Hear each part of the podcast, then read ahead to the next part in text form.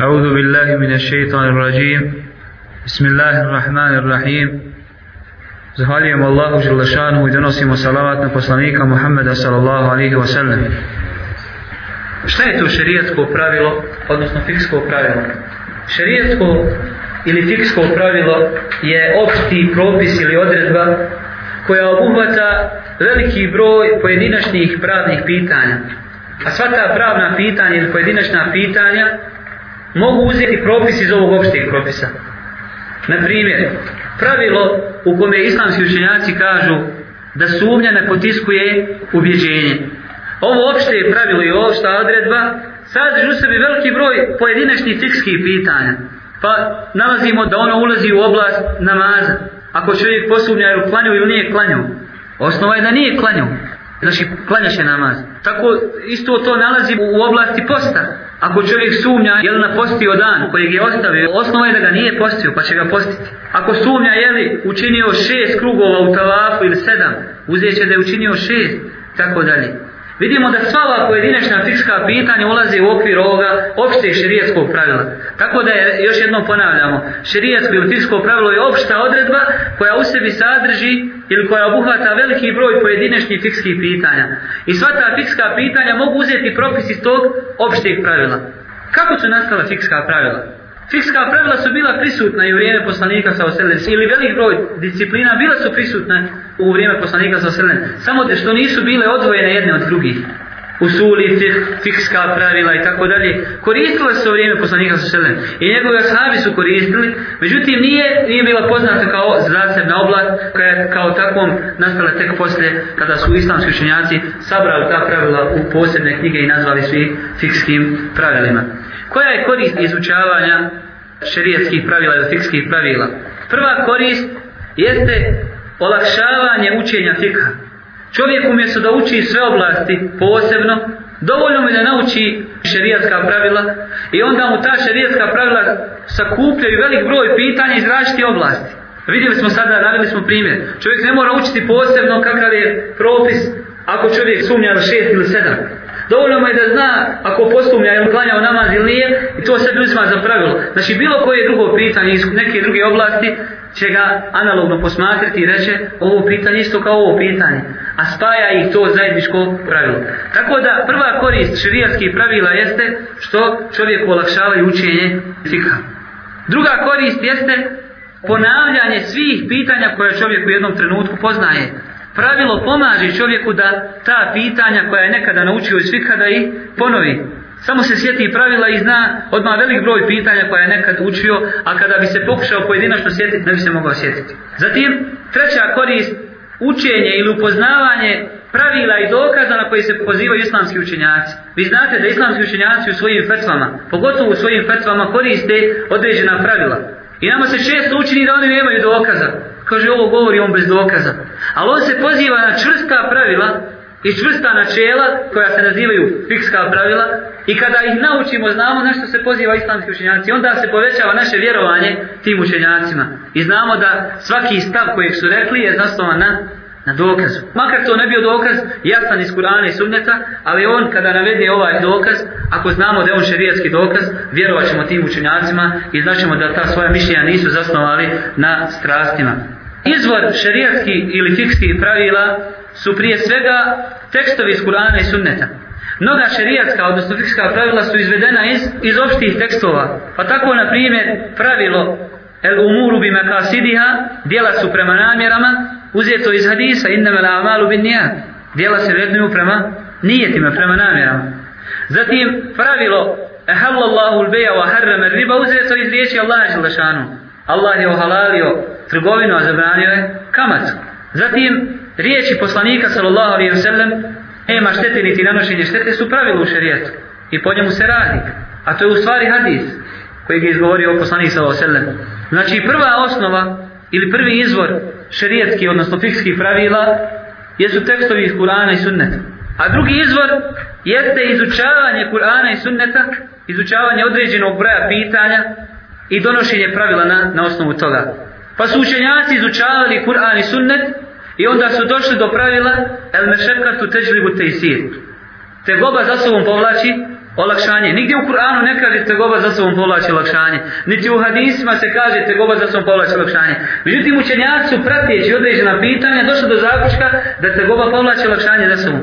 Pa su pratili, posmatrali tejemu, pa kraćenje namaza, pa obavljanje namaza u borbi, kako se obavlja i tako dalje. Zatim jedenje lešine u slučaju gladi I došli su do pravila tegoba za sobom povlači olakšicu. To su dva izvora šerijatskih, odnosno fikskih pravila. Mi ćemo odmah prijeći na izučavanje tih pravila. Prvo pravilo koje ćemo danas učiti jeste pravilo koje smo malo prije spomenuli, a to je umuru bime kasidiha. Dijela se vednu prema namjerama. Inače, pitanje namjere ili nijeta spominje se u svim knjigama i hadithi koji postiču na iskrenost, njima počinju skoro sve islamske znanosti. I hadijske knjige, i fikske knjige, i knjige koje govore o ahlaku, islamskom moralu, i lijepoj čudi, počinju sa hadisom koji postiče na iskrenost u namjerama. Kako bi čovjek znanje koje uzim stekao samo radi Allah Želšanu i onda se njima okoristio. Zato je bitno da se spomene ovo pravilo i prilikom izučavanja šarijetskih pravila. Šta znači nijet? Kažu islamski učenjaci da je nijet, odnosno u ovom slučaju maksad ili maksid, da je čvrsta odlučnost da čovjek nešto uradi. To je definicija nijeta, odnosno namjere čvrsta odlučnost u srcu da čovjek nešto uradi. Šta je dokaz za ovo pravilo? Šta je dokaz? Malo prije smo spomenuli jedan dokaz, a to su riječi poslanika sa oselem inneme la amalu bin nijat. Dijela se vjernuju prema namjerama. Zatim, skupina drugih hadisa koji, kada ih zajedno posmatramo, isto tako upućuju na ovo pravilo. Kao što su riječi poslanika sa oselem inna Allahe la yakbalu min al-amali illa ma kana lahu khalisan wa btughiya bihi wajhuhu Allah ne prima od dijela osim ona koja su iskreno radi njega urađena i njima se hoće njegovo lice, odnosno njegova nagrada, njegovo zadovoljstvo. Ovaj hadis upućuje na to da se dijela vrednuju prema nijetima.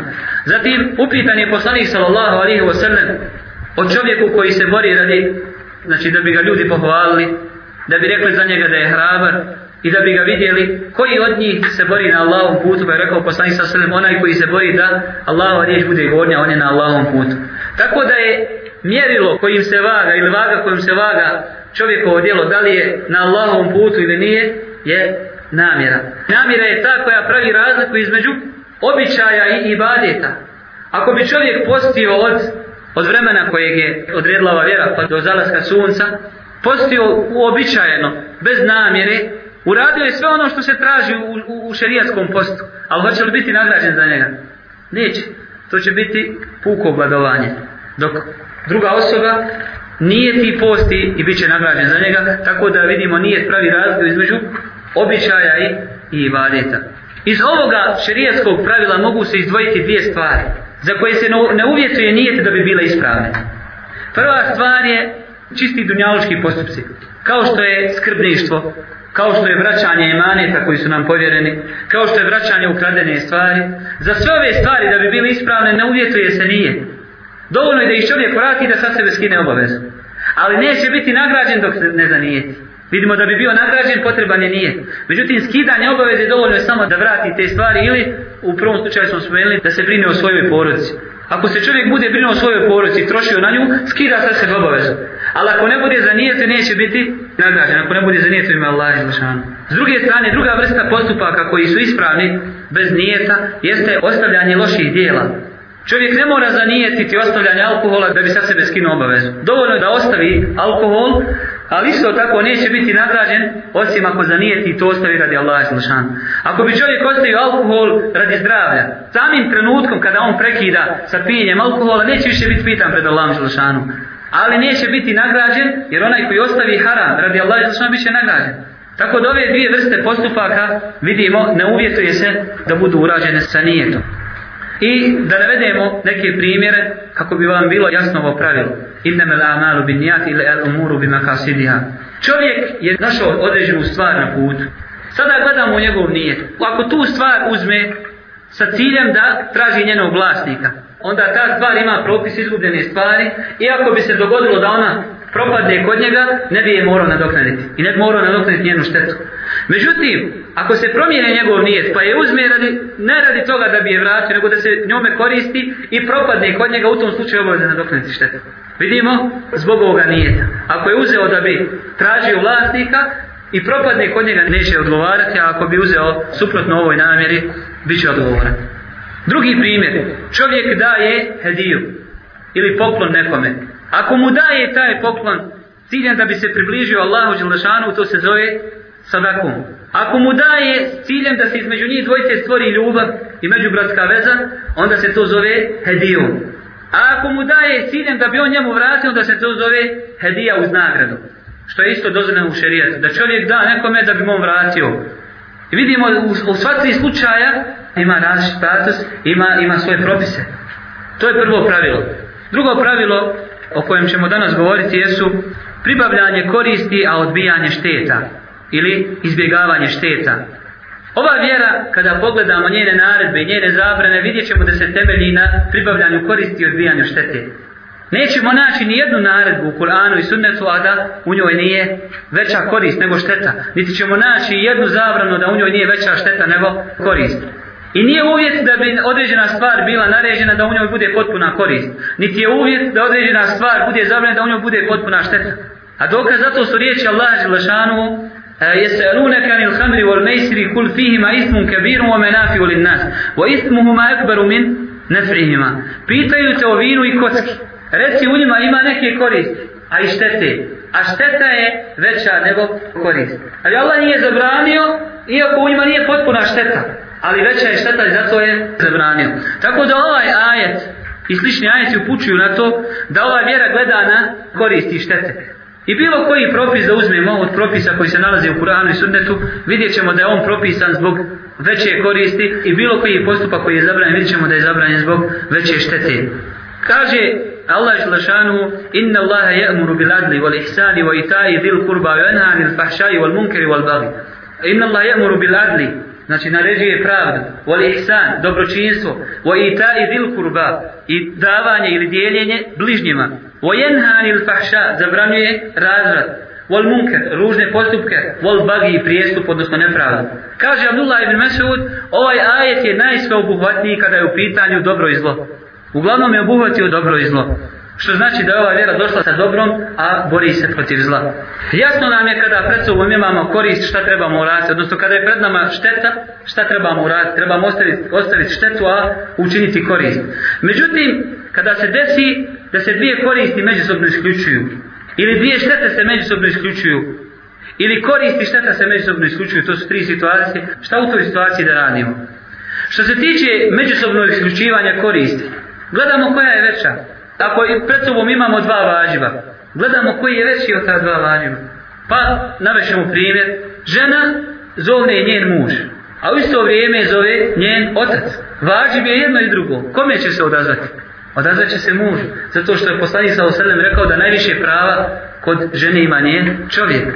Vidimo da imamo dva vađiba, oba se moraju ispuniti, međutim jedan drugi isključuju. Ako ispuni ovaj, neće ovaj. Ako ispuni ovaj, drugi neće ispuniti. Tako da se daje prednost većem od ta dva vađiba. Zatim kada se međusobno isključuju vađib i sunnet. Čovjek koji je, na primjer, traženje znanja sunnet. A javi se džihad u njegovom mjestu, budu muslimani napadnuti od nevjernika. Šta će u tom slučaju raditi? Otići da se školuje i da uči vjeru ili će ostati boriti se na Allahom putu? Ovo mu je važiv, a ovo mu je dobrovoljno. Tako da vidimo u toj situaciji da se daje prednost onome što je veća korist. Kada se suprostavi opšta i posebna korist, daje se prednost opštoj koristi. Pa makar ta posebna korist bila ostavljena. Na primjer, čovjek se zarazi ili dobije neku bolest koja se prenosi. U tom slučaju je dozvoljeno da se ta osoba zatvori u kuću, da mu se daju sredstva da se hrani i da živi, a da ne izlazi među ostale ljude kako bi se sačuvali opšte štete, a to je da se ta bolest prenese na druge muslimane, odnosno druge ljude. Iako ovdje vidimo da se poništava korist od ovoga čovjeka, a to je da on ne može izlaziti napolje, ne može kontaktirati sa ljudima, ali gleda se na veću korist, a to je u ovom slučaju opšta korist. Ako opšta korist zahtjeva da se to uradi sa njim, u tom slučaju se daje prednost opštoj koristi. Kaže šerijatsko pravilo, yutahammalu ad-dararu al-khas li dafi ad-darari al-am. Kažu podnosi se posebna šteta da bi se odbila opšta šteta. I druga situacija jeste da se dvije štete međusobno isključuju. Odnosno jedna od njih dvije se mora počiniti i ne mogu se nikako izbjeći. U tom slučaju će čovjek počiniti blažu štetu. Na primjer, čovjek pred sobom ima haram i metak sigurno i metak koji je sumnjiv.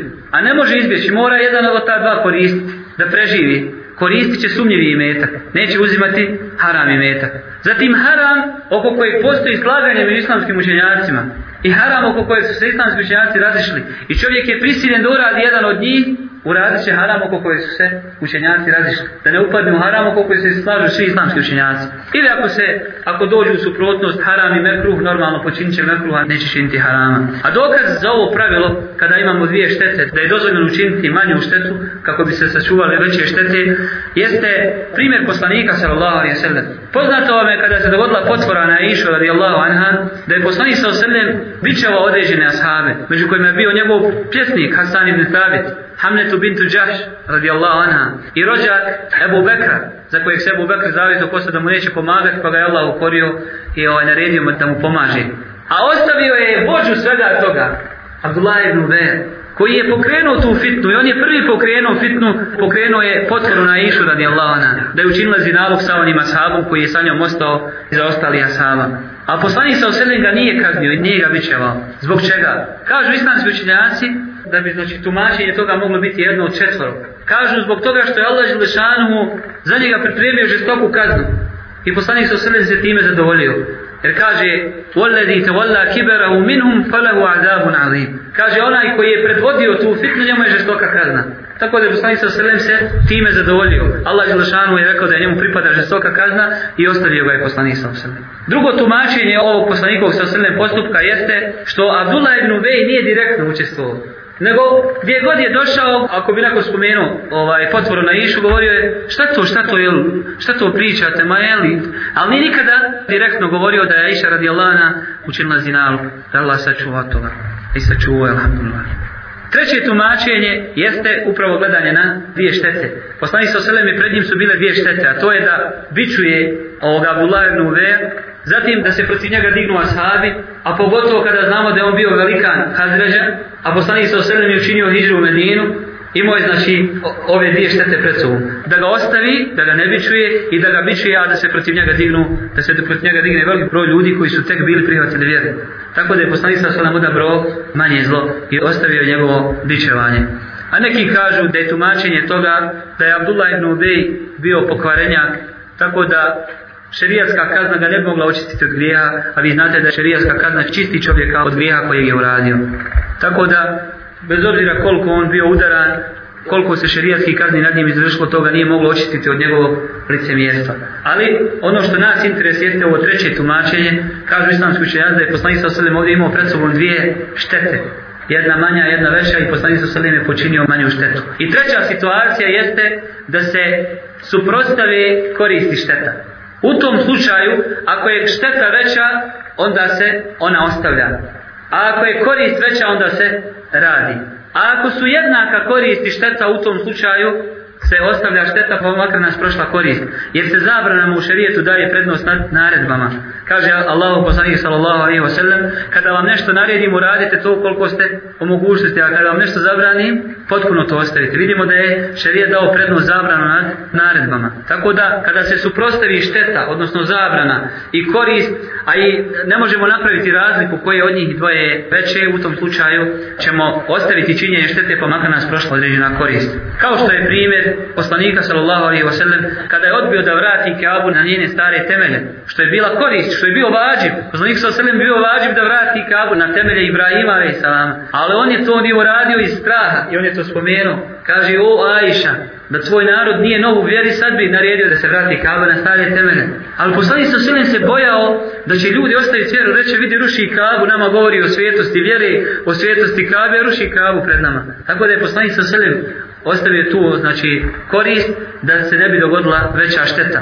Zatim od primjera gdje šerijat traži od nas da kada je u pitanju veća šteta, da tu štetu ne činimo, pa makar nas prošla određena korist, je poslanikova sa osrlem naredba, odnosno zabrana, da se sjeće ruka u borbi. Poznat je propis da čovjek kada ukrade i kada se ispune određeni uslovi, da mu se sjeće ruka. Ali poslanik sa oseleme i pored toga zabranio da se sjeće ruka u borbi. Kaže u hadisu koji bilježi imam Bejheki, nehen ne biju sa en tukta lijedu fil mareke. Kaže, poslanik sa selim je zabranio da se sjeće ruka u borbi. Zbog čega? Kažu islamski učenjaci, zato što postoji mogućnost da se kod čovjeka pojavi revolt i da ode nevjernicima. Jer vi znate kada je poslanik sallallahu alejhi ve sellem kada je izbjegavao onu trojicu ashaba zbog toga što nisu išli u bitku na Tebuk, da su im dolazili nevjernici i govorili: "Ostavio vas je vaš poslanik, hajte sa nama" i tako dalje. Al poslanik sallallahu alejhi je znao koga će izbjegavati, jer su to bili ashabi čiji imam bio kao brda i povodom njih je Allah dželle objavio kuranske ajete. Tako da u ovom slučaju je poslanik sallallahu alejhi zabranio iz boja da se ne dogodi veća šteta iako se postiže korist, a to je sprovođenje Allahovog propisa. Sljedeće pravilo s kojim ćemo mi danas završiti naš današnji seminar jeste pravilo nužda dozvoljava ono što je inače zabranjeno. Ed daruratu tubihul mahzurat. Nužda ili vanredna situacija dozvoljava ono što je inače zabranjeno. Šta znači ovo pravilo? Kažu islamski učenjaci u tumačenju riječi darura, nužda, jer danas se svaki igra sa tom riječi, kaže meni je nužda, ja to uradim, meni je nužda. Ljudi se danas poigravaju sa tim terminom. A riječ nužda ima svoj propis i ima svoju definiciju kod islamskih učenjaka. Kažu da je nužda stanje ili situacija u kojoj čovjek zbog određenih okolnosti prisiljen, znači zbog toga što mu je ugrožen život, ili mu je ugrožena vjera, ili mu je ugrožena čast, ili mu je ugrožen razum, u tom slučaju ima pravo da učini ono što je zabranjeno, ostavi ono što je naređeno. Poznato je da vjera čuva pet stvari, a to je vjera, razum, imetak, čast i potomstvo. Vjera čuva ovih pet stvari. I ako je ovih pet stvari će biti ugroženo izvršavanjem naredbe, odnosno ostavljanjem zabrane, ta situacija se naziva nuždom. I tada je čovjeku dozvoljeno da uradi ono što je zabranjeno, odnosno ostavi ono što je naređeno. To je znači ta vanredna situacija u kojoj čovjek zbog ugroženosti ovih pet stvari ima pravo da učini ono što je zabranjeno, ostavi ono što je naređeno. Kada budemo navodili primjere, bit će vam puno jasnije. Jer šerijatska pravila, bez obzira koliko ja pokušao vama da prevedem, ona imaju svoju težinu i teško je shvatiti bez primjera i bez konkretnih situacija. Šta je dokaz za ovo pravilo? Dokaz za ovo pravilo su riječi Allaha Želešanu وَكَدْ فَسَّلَ لَكُمْ مَا حَرَّمَ عَلَيْكُمْ إِلَّا مَنْ تُرِزْتُمْ إِلَيْهِ A on vam je pojasnio u knjizi ono što vam je zabranjeno osim ono na što ste prisiljeni. Znači da u toj situaciji čovjek izlazi iz okvira zabrane u situaciji kada je prisiljen. Međutim, upravo zbog poigravanja sa ovim terminom, nužno je da spomenemo ograničenja i uvjete koji su postavili islamski učenjaci za sprovođenje ovoga pravila. Znači kada se ovo pravilo sprovodi? Ovo pravilo se sprovodi kada se ispune sljedeći uslovi. Prvi uslov jeste da se radi o istinskoj nuždi. Da, da čovjek to ne pretpostavi kod sebe u glavi, e, ako ja budem prelazio granicu, možda će on mene ovaj maltretirati zbog toga što imam bradu, ja ću se obrijati. Čovjek mora imati povjerljive informacije, mora znati da se radi o, o tome o što je on sebi predstavio u glavi i da zbog toga uradi ta određeni postupak. E, ako ja ne budem uradio, desit će se to i to. Znači, mora biti čvrsto ubježenje ili prevladavajuće mišljenje kod njega da će se dogoditi to što je zamislio. Drugi uvjet jeste da nužda bude na većem stepenu od harama kojeg čovjek hoće uraditi. Kao što je slučaj sa jedenjem lešine. Čovjek jede lešinu, iako je haram, da bi sačuvao život koji je na većem stepenu od harama koje čini, a to je jedenje lešine. Jedenje lešine je zabranjeno. Jedenje lešine u ovom slučaju je na manjem stepenu od čuvanja života. Čuvanje života je na većem stepenu od njega. Tako da je ovo drugi uvjet. Zatim imamo primjer žene koja je prisiljena da se otkrije pred doktorom da bi se čuvala život ako nema doktorice. U ovom slučaju čuvanje života je veće od harama kojeg ona čini, a to je da se otkriva muškarcu koji inače nije dozvoljeno da je vidi. Zatim jedenje zabranjenog imetka kao što je imetak od kamate je dozvoljeno u slučaju da čovjek time sačuva svoj život i radi se o nuždi. I mnogi drugi, mnogi drugi primjeri. Treći uslov jeste da čovjek ne čini nekome drugom štetu. Da čovjek prilikom ili u toj situaciji ne učini nekome drugom štetu. Kao, na primjer, da se od njega traži da ubije drugog čovjeka i kaže ja sam prisiljen da ga ubijem u tom slučaju, znači ne podliježe ovome pravilu i ne smije ubiti drugog muslimana. Ako se od njega traži da ubije drugog muslimana po cijenu, da ako on to ne uradi, da će on biti ubijen, u tom slučaju ne smije, ne smije ga ubiti, nego on treba da bude ubijen, jer u ovom slučaju nanosi štetu drugom muslimanu, kako bi se čuvao svoju štetu. A koristi šteta u ovom slučaju su jednake, tako da se ne daje prednost jednoj nad drugom. Četvrti uvjet jeste da nužda ima svoju određenu granicu ili određenu mjeru ili nužda se ograničava potrebama. Pa čovjek kojem je dozvoljeno da jede lešinu ili nešto što je zabranjeno, zadovoljće se sa onoliko koliko će mu utoliti glad. Ne smije prelaziti tu granicu. Ako bi prešao tu granicu, to bi već izašlo iz okvira nužde i bio bi odgovoran pred Allahom Želešanu. Ženi kojoj je dozvoljeno da se otkrije pred doktorom, primjer koji smo malo prije spomenuli, nije dozvoljeno da otkrije onaj dio koji doktor od nje ne traži. Ako doktor traži od nje određen dio, ne smije ona otkriti drugi dio koji on ne traži. I sa čim otkrivanjem nema uopšte potrebe. Zatim, primjer namaza.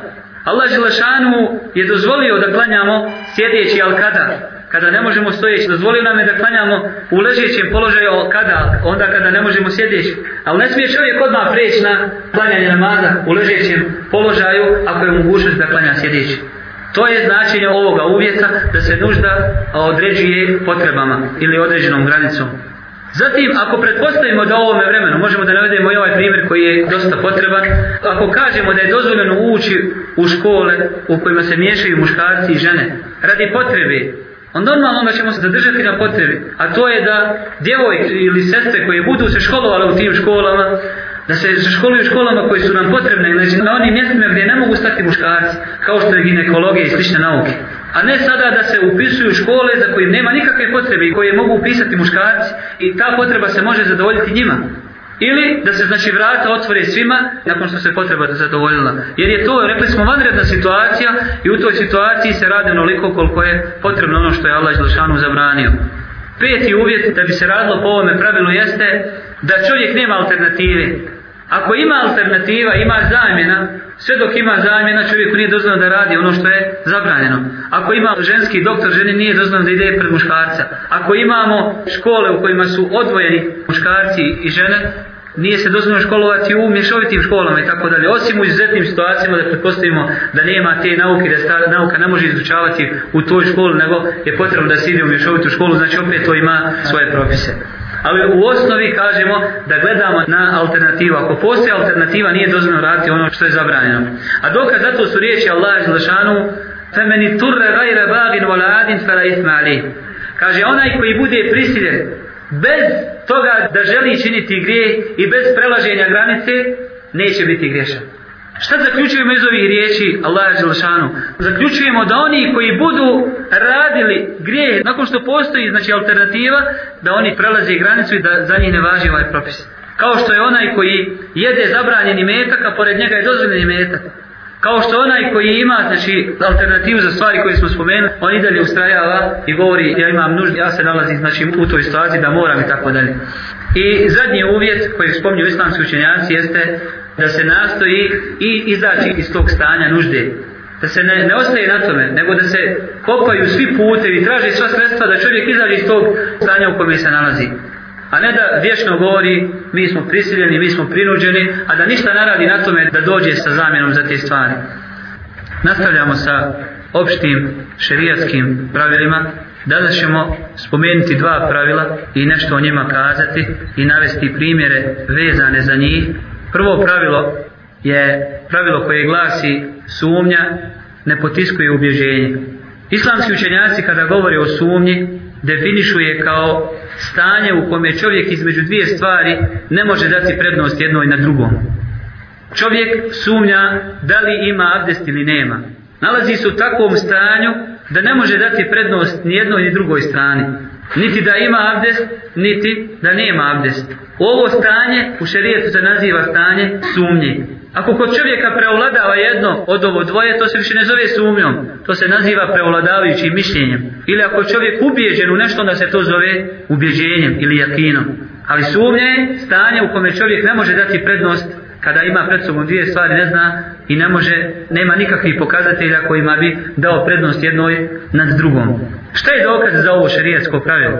Dokaz za ovo šerijetsko pravilo su riječi poslanika sallallahu alaihi wa sallam U hadisu koji bilježi imam muslim od Ebu Hurere, kaže poslanik sallallahu alaihi sallam Iza vođede ahadukum fi batnihi še'an, fe eškele alaihi, e harađe minhu še'un au la, fela jahruđenne min al masjidi hatta jesma sautan au jeđide rihan. Kaže kada neko od vas osjeti nešto u stomaku, pa posumnja da li je nešto izašlo ili ne, neka ne napušta mesčid, neka ne izlazi iz mesčida, sve dok ne bude osjetio miris, odnosno čuo glas. Na osnovu ovoga hadisa, ili ovaj hadis, jedan od dokaza da sumnja ne potiskuje ubjeđenje. U drugom hadisu kojeg također bilježi ima muslim, od Ebu Sa'ida al-Hudrija radijallahu anhu, kaže poslanik sallallahu alaihi wa sallam, Iza šake ahadukum fi salatihi, felem jedri kem salla, Thalathanem arba'an. Kada neko od vas posumnja u svome namazu i ne zna koliko je klanjao, tri ili četiri rekata. Falyatrahi shakka wal yabni ala. Kaže neka odbaci sumnju i neka svoj stav zasniva na ubjeđenju, onome što je ubjeđen. Summe li jesču seždetejni kablen yusallim. Kaže zatim neka uradi dvije sehvi sežde prije nego što preda selam. Fa in kane salla hamsen šefane lehu salatehu ako bi klanjao pet rekata jer postoji mogućnost da je bilo četiri pa je kada je dodao ovaj rekat da bude pet. Ako bude klanjao pet rekata na taj način njegov namaz će biti paran sa te dvije sežde. Wa in kane salla tamamen kane ta li šeitan ako namaz bude potpun kaže to će biti prkos šeitanu. Vidimo iz ovoga hadisa da sumnja ne potiskuje ubjeđenje. Ako je čovjek ubjeđen da je klanjao tri rekata, zatim posumnjao da li je klanjao četvrti, ostaje na tri rekata, a za četvrti ima poseban propis, dodaje četvrti rekat i čini sehvi seždu. Ovo su dva dokaza od dokaza koje koriste islamski učenjaci za ovo pravilo, da sumnja ne potiskuje ubjeđenje. Da bi bilo pravilo jasnije, navršemo neke primjere. Čovjek sumnja da li ima abdest ili ne, a prije toga se abdestio. U tom slučaju jekin je da ima abdest. Znači ubjeđenje je da ima abdest. Jer zna sigurno da se abdestio. Međutim, posle toga se pojavila sumnja da li je izgubio abdest. U tom slučaju je jekin, odnosno ubjeđenje da ima abdest. Tako da se daje prednost ovome dijelu i ostaje na abdestu dok se suprotno ne dokaže. Isto tako ako bi posumnjao da li je uzeo abdest. Siguran je da je izgubio abdest. A poslije toga posumnja da li je uzeo abdest, ostaje na jekinu, na ubježenju, da nema abdesta. I obavezan je se abdestiti. Zatim čovjek sumnja da li je klanjao namaz ili ne. Šta je ubjeđenje u ovom slučaju? Ubjeđenje je da je čovjek obavezan klanjati namaz i da sa njega neće spasti dok ga ne klanja. To je ubjeđenje. A posumnio je da li je skinuo sa sebe tu obavezu. Čemu se daje prednost? Daje se prednost, znači ovome prvom. To je da sa njega nije spala obaveza. Jer sumnja da li je sa njega spala obaveza. Treći primjer, primjer duga. Čovjek se zadužio i siguran je da je dužan određenoj osobi. I poslije toga posumnja da li je vratio dug ili ne. Dođe u sumnju, ne zna da li je vratio duga. Nije ga zapisivo, znači nije imao svjedoke prilikom pozemljivanja niti vraćanja i posumnja da li je vratio dug. U tom slučaju dug ostaje jer je siguran da ga ima, ali posumnjao da li ga je vratio tako da taj dug ostaje i treba da ga vrati. Ovo pravilo je jako bitno u šerijetu. I ono pomaže u mnogim vesvesama sa kojima se sreću muslimani. Imate muslimana koji imaju puno problema sa vesvesama, sa šetanskim došaptavanjima. Možda nisi oprao ruku, možda se nisi abdestio, možda ti je kanula mokraća. Imate ljudi koji boluju od toga. Čak sam čuo primjer ljudi koji uđu u WC i izađu potpuno mokri, pod tuš uđe na kraju da bi bio 100% siguran. Nakon što obavi nuždu, kaže možda mi je kanula